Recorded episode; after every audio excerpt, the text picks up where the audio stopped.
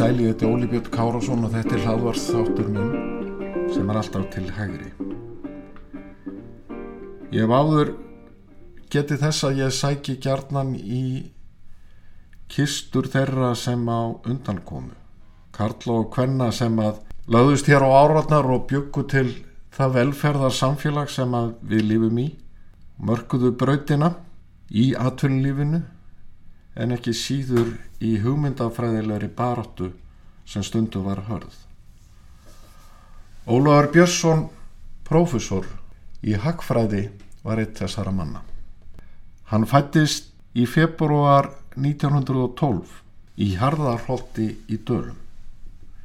Hann lög stúdensbrófi frá mentaskólanum Akureyri 1931 namn lögfræði í eitt ár við Háskóla Íslands en helt síðan til Kaupmannahafnar þaðan sem hann lauk háskólapróf í Hakkfræði 1938. Hann kendi við viðskipt og lagadelt Háskóla Íslands sem dósent og síðan prófessor allt fram til ársins 1982 þegar hann fagnaði 70 ára amæli. Hann kendi einni stundakjenslu við Vestlanaskóla Íslands, satt í bæjastjótt Reykjavíkur 1950 til 58 og alþingi fyrir sjálfstæðisflokkin á áranu 1956 til 71. Hann var formaður BSRB 1948 til 1956. Á Íslandi var reikin viðtækur haftabúskapur frá því um 1930 og nær óslitið til 1960 þegar að viðreistnastjórnin, samstefnustjórn sjálfstæðisflokks og alþjóðflokks tóku völdum og stíjum voru stór skref til frjálsaræðis áttar. Ólafur Björnsson var einn helsti gaggrínandi haftabúskapar, benti á að aðra leiðir væru heppilegri til þess að ná jöfniði í viðskiptum Íslands við önnur lönd en innflutnings- og gjaldarisöft. En ekki síður á hitt að með höftonum væri skapað geipilegt vald í höndum ofinbæra aðila sem gæti verið frelsinu hættulegt. Um skeið voru svo mikla takmarkanir til dæmis á gjaldaris yfirfæslum til utanferða að jafna mátti við áttaka fjötra. Urðu vantanlegir utanfarar að samfæra ópera aðilögum það að brína nöðsinn bæri til utanferðana svo þeir gætu fengið yfirfæslur, gætu fengið erlendan gjaldari. Nokkuð sem að við setti tíma fólk eigum erfitt með að skilja. En sköndunavaldið sem var fólkið í haftabúskapnum var að þetta líka nota til að ívilna þeim sem höfðu mestu stjórnmála ítöki. Ólafur samti á samt Dr. Benjamin Eiríksinni ymsar tilugur um umbætur í hagstjórn sem voru framkvæmtar árið 1950 og dró nokkuð úr innflutnings- og gjaldarisöftum þó ekki hirfu þær með öllu fyrir nárið 1960. Ungir sjálfstæðismenn með þá Geir Hallgrímsson og Ásker Pétursson í farabróti hrifust af raukfestu Ólafs og þekkingu og þunga í málflutningi og fengu hann í frambóð fyrir sjálfstæðisflokkin. Satt hann á þingi fyrir reykvikinga frá árið 1956 til 1971. Jáframt því sem að Ólafur kendi hagfræði við Háskólu Íslands og Veslunaskólan skrifaði hann fjölda bóka um hagfræði og atvinnumál og hafði margvísleg afskipti af stjórnmálum og gengdi hann ímsum trúnaðastörfum eins og áður segir. Ólafur fyldist vel með hinnum nýju viðþorfum til hagstjórnar um og eftir 1970 þegar hugmyndi þeirra Hayeks og Miltons leista af hólmi kenningar Kens um viðtæk ríkis afskipti. Var það Ólafi mjög að skapi og árið 1978 gaf hann út bókina frjálsíkju og alvaræðisíkju þar sem hann gerði grein fyrir skoðunum sínum á alþýðlegan og einfaldan hátt eins og honum var lægið, segir dóttor Hannes Holmstedt Gissurusson í minningagrein um Ólaf. Ólafur Björnsson fjall frá árið 1999 og í minningagrein sem að Davíð Oddsson, þá formaður sjálfstæðisflokksinn, skrifaði í morgumblæði, segir hann að öllum þeim sem lítaðum öxl átta sig á hversu farsall þingmaður og hagfræðilugur ráðgjafi Ólafur Björnsson hafi reynst í þau 16 ár sem hann satt á þingi. Hinn mikla þekking hans á efnagasmálum, annáluð góðgirni hans og eljusemi og sérstakur hæfileiki til að orða hugsun sína vapningalust og skilmerkilega komu að afar góðum nótum í þeirri hörðu baráttu sem þá var háð á milli hafta og frelsis, áallina búskapar og hins frjálsa markaðs hagkerfis, ríkisafskipta og enga framtags. Davíð segir Ég hika ekki við að segja að Ólafur Björnsson hafi verið einhver nýtasti og besti þingmaður sem sjálfstæðisblokkurinn hefur haft á að skipa í 70 ára starfsögu sinni. Ég fann það líka í samtölum mínum við Ólaf hinn síðari ár hversu vel hann fyldist með stjórnmálum og áhuga samar hann var um vöxt og viðgang sjálfstæðisflokksins og frjálslindra viðþórafa almennt í landinu. Margt af því sem kom í hlut minn og samstarfsfólk míns að framkama hafði hann skrifað um og mælt fyrir áratögum áður. Árið 1982 kom út greinasapp Ólafs Björnssonar í tilefni af 70 ára ammali hans.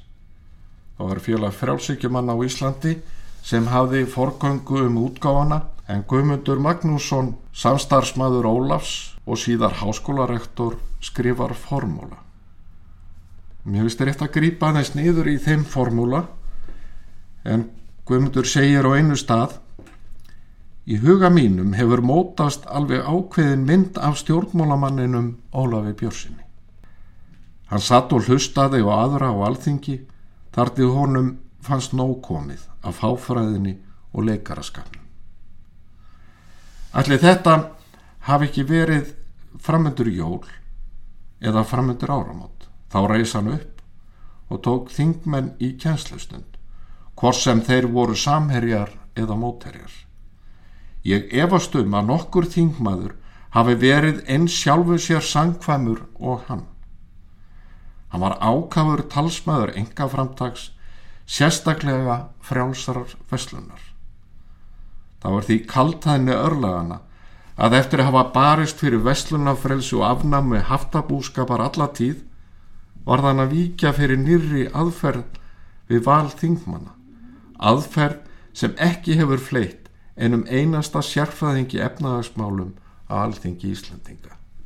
Þetta gerir samtímist því sem efnahagsmál verða mikilvægari þáttur í störfum þingsins. Í júni 1956 skrifaði Ólafur grein í morgumblæðið í aðdraganda alþingiskostninga undir yfirskriftinni eiga mentamenn erendi í stjórnmálabaratuna. Þar segir hann að stjórnmálamenn eða frambjóðundur flokkana láti ljósitt skíma, lofi gullni og grænum skóum þeir verða kostnir. En mála með svörtu það ef anstæðingarnir verði ofan á. Ólafur segir að vísur sé það yfirleitt af skortnum skamti sem kjósandur fá að vita um úrraði til lausnar efnahagsvandamálum þjóðarinnar og öðrum þjóðfélagsvandamálum. En þeim munur ríkulegar eru látin í tíu gífurirði um anstæðingan og allt þeirra aðtafi en lof um sjálfan sig sem orðið hafa og flokk þeirra. Ólaður segir síðan orðurétt. Fyrir nokkrum árum las ég viðtal sem blaðið þjóðvilinn byrti við eitt leiðtófa flokksins í tilefni af merkisamæli er hann átti.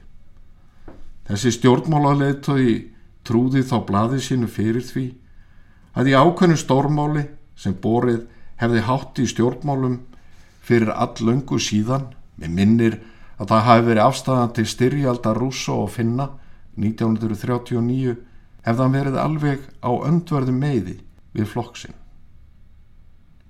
En ég gætti þess að láta ekki slíkt uppi því að með slíku hefði ég gefið morgumblaðinu og öðrum málgögnum anstæðinga flokksins kerkomið áróðusefni bættan við. Síðan líkur blaðið, þar að segja þjóðvilin, miklu lofsorði á mannin fyrir þann drengskap gagart flokknum er hann hafið sínt með þessari afstöðu. Þessa er ekki getið hér sem ádeilu efnis á kommunista út af fyrir sig. Ástæðan til þess að viðtals þessa er getið er fremur svo að nákvæmlega hið sama hefði getað staðið í morgumblaðinu, alþjóðublaðinu eða tímanum við svipað tækjafæri. Þessi aðferð að ekki megi gera óvinnafagnað með því að taka afstöðu sem að dómi ráðamanna er anstæð hagsmunuflokksins hefur að jafnaði reynst einhlít til þess að útrýma síðgæðisvitun og samvinsku flestara þeirra er til langfram að hafa verið liðsótar stjórnmálaflokka. Gerist menn brotleir við þessa reglu og fylgi samfæringu sinni og samvisku eru þeir dæmdir kalkaðir eða eitthvað þessáttar og óhæfir til trúnaðastarfa í stjórnmálum. Og Ólafur heldur áfram. Svæfing samviskunar til þess að ger ekki óvinnafagnað er fyrsta leikregla stjórnmála baratunar en þær eru fleiri. Ég vona að mér verði virta til vorkunar vegna stöðu minnar að brjóta aðra megi reglu stjórnmála baratunar þá að fara aldrei viðurkenningar orðum um neitt sem kemur fjár á stjórnmála anstæðingum. Ég hlustaði nýlega útvarsenrendi um daginn og veginn eftir Haldur Kristjánsson frá kirkjubóli. Hann gerði þar að umtalsefni kostningabaratu nú sem honum þótti snauð að málefnarlegum rökræðum er rík að vígorðum og órökstuttum fullirðingum. Hann leitaði síðan á þessu skýringar og hitti þar að mínum dómi naglan á höfuðið. Að vitnaði í það að Adolf Hitler hafi eitt sinn verið að því spurður hvernig áróðuri er þið best takað með tilliti til þess að afla sér fjöldafylgis. Hitler svaraði að megin áherslu bæra leggja á það að miða áróðurinn við þá sem enga dómgrend hefðu því að þeir væru flestir. Ég er að vísu ekki þeirra skoðunar að slíkt mat á dóngreit almenning sé réttmætt. En hitt er ég vissum að almennt líta stjórnmálamenn svo á að þar er finna skýringun á öllum gífururðum og vývorðunum sem syngt og heilagt munur hljóma í eirum almennings fram að kostningum. Ólafur sagði að reglur stjórnmálabarátunar væru vissulega frábröðunar leikreglum hinnar vísindalegu sannleiksleitar og raunar bein andstaða þeirra. En hvaða erindi geta þeir menn þá átt á vettvang líðskurumsins sem hafa gert vísinda yðganir að æfistarfi sínu, spurði Ólaður. Og hann svaraði, ég tek strax það fram. Að ég tel þess enga von að mér eða öðrum takist að breyta þessum leikreglum á þann veg að það er nálgist leikreglur fræðimennskunar. Profesorar og prestar hafa átt sæti á alþingi án þess að sannleikurinn og kærleikurinn væru meira metnir eftir en áður. Þeir hafa orðið að velja um tvo kosti, að fylgja settum reglum stjórnmálabaratunar eða víkja úr henni ella og munu svo einnig fara um þá staðsbræður þeirra sem á eftir þeim koma. Mér er það fyllilega ljóst að öll umbóta starfsemi í þá átt er vonlus. En þó milli leikaregluna, vísind og stjórnmóla sé þannig óbrúanlegt djúb er ekki með því sagt að menn sem vísindi stunda eigi ekki að láta sig stjórnmál neinu varða. Þjóðfélagskipanin verður þó að vera þannig að stunda megi vísindin. Þessu skilir þér sem kunnuti er ekki fullnægt í hennu kommunísku einræðisríkjum hvað þorra vísindagreina snertir. En svo hægt að vofir einnig yfir í líðræðisríkjum að þróunin verði svo að skoðanafrelsi verði útrýmt og á það ekki síst við um ríki eins og Ísland. Ólaður Björnsson var eitt þeirra sem hafði varað mjög við henni markþættu löggjöfum efnaðasmál sem víða hafi verið sett á hér á Íslandi við framkvæmt hafta og ofinbæra skipulagningar atvinnulífsins. Hann var ekki þar einn, Jóhannes Nordal var annar og fleiri. Ólaður segir að hann hefði átt þess kost að hafa náinn kynni að framkvæmt lögjaverunar. Og þau kynni hafi átt ríkast að þátti því að hann hafi ákveðið að hefja þáttöku í stjórnmálun. Hann segir, ég gekk í sjálfstæðisblokkin og hef stuttan síðan. Ekki af því að ég telji hann framkvæma áðurgreinda lögjöf að minni hlutrækni en hinnir flokkarnir en það er erfitt að meta slíkt heldur að finnu að hann einn allra stjórnmálaflokka er lögjöf þessari andvígur. Allir vinstri flokkarnir hafa á stefnuskar á sinni við þessar kostningar sem endranær aukningu þeirrar lögjafar sem stopna réttaröðriki, mannréttindum og skoðanafrelsi í hennar mestu hættu. Hennu pólitísku eftirlitsmönnum með áðugreindir lögjöf er í rauninni veittur óbundnar hendur um það að kæra og dæma anstæðinga sína fyrir brot sem hver þjóðfélagsborgari er í rauninni segur um en að hilma og samahátt yfir samskonar afbrót samerja sinna. Afleðingi verður svo að enginn þorir að halda fram skoðunum anstæðum stjórnvöldum eigi hann ekki að eiga hættu fjárhagslegar refsi aðgerðir. Menn geta verið ósámála sjálfstæðisfloknum og leðtogum hans um margt, skrifa Rólaður. En það hakkar ekki því að hann er einu samtökin sem íslenskir borgarar hafa myndað um vendun, einstaklings og skoðanafrelsis. Það er ekki svo að skilja að allir anstæðingar sjálfstæðismanna séu þessum hugssjónum andvýr, öðru nær. En með því að styðjaður vinstri flokkana og stefnur þeirra í efnagasmálum í hennum ýmsum myndum grafa þeir óavitandi undan þeim mannréttinda hugssjónum sem allur þorri íslensku þjóðarinnar raunverulega aðhyllist. Með tilliti til þeirra hættu sem nú stæðjar að því skoðana og einstaklingsferðsi sem er undir staða hlutlausara og frjálsara fræðiðkana geta mentamenn ekki látið stjórnmála baróttuna afskiptalösa.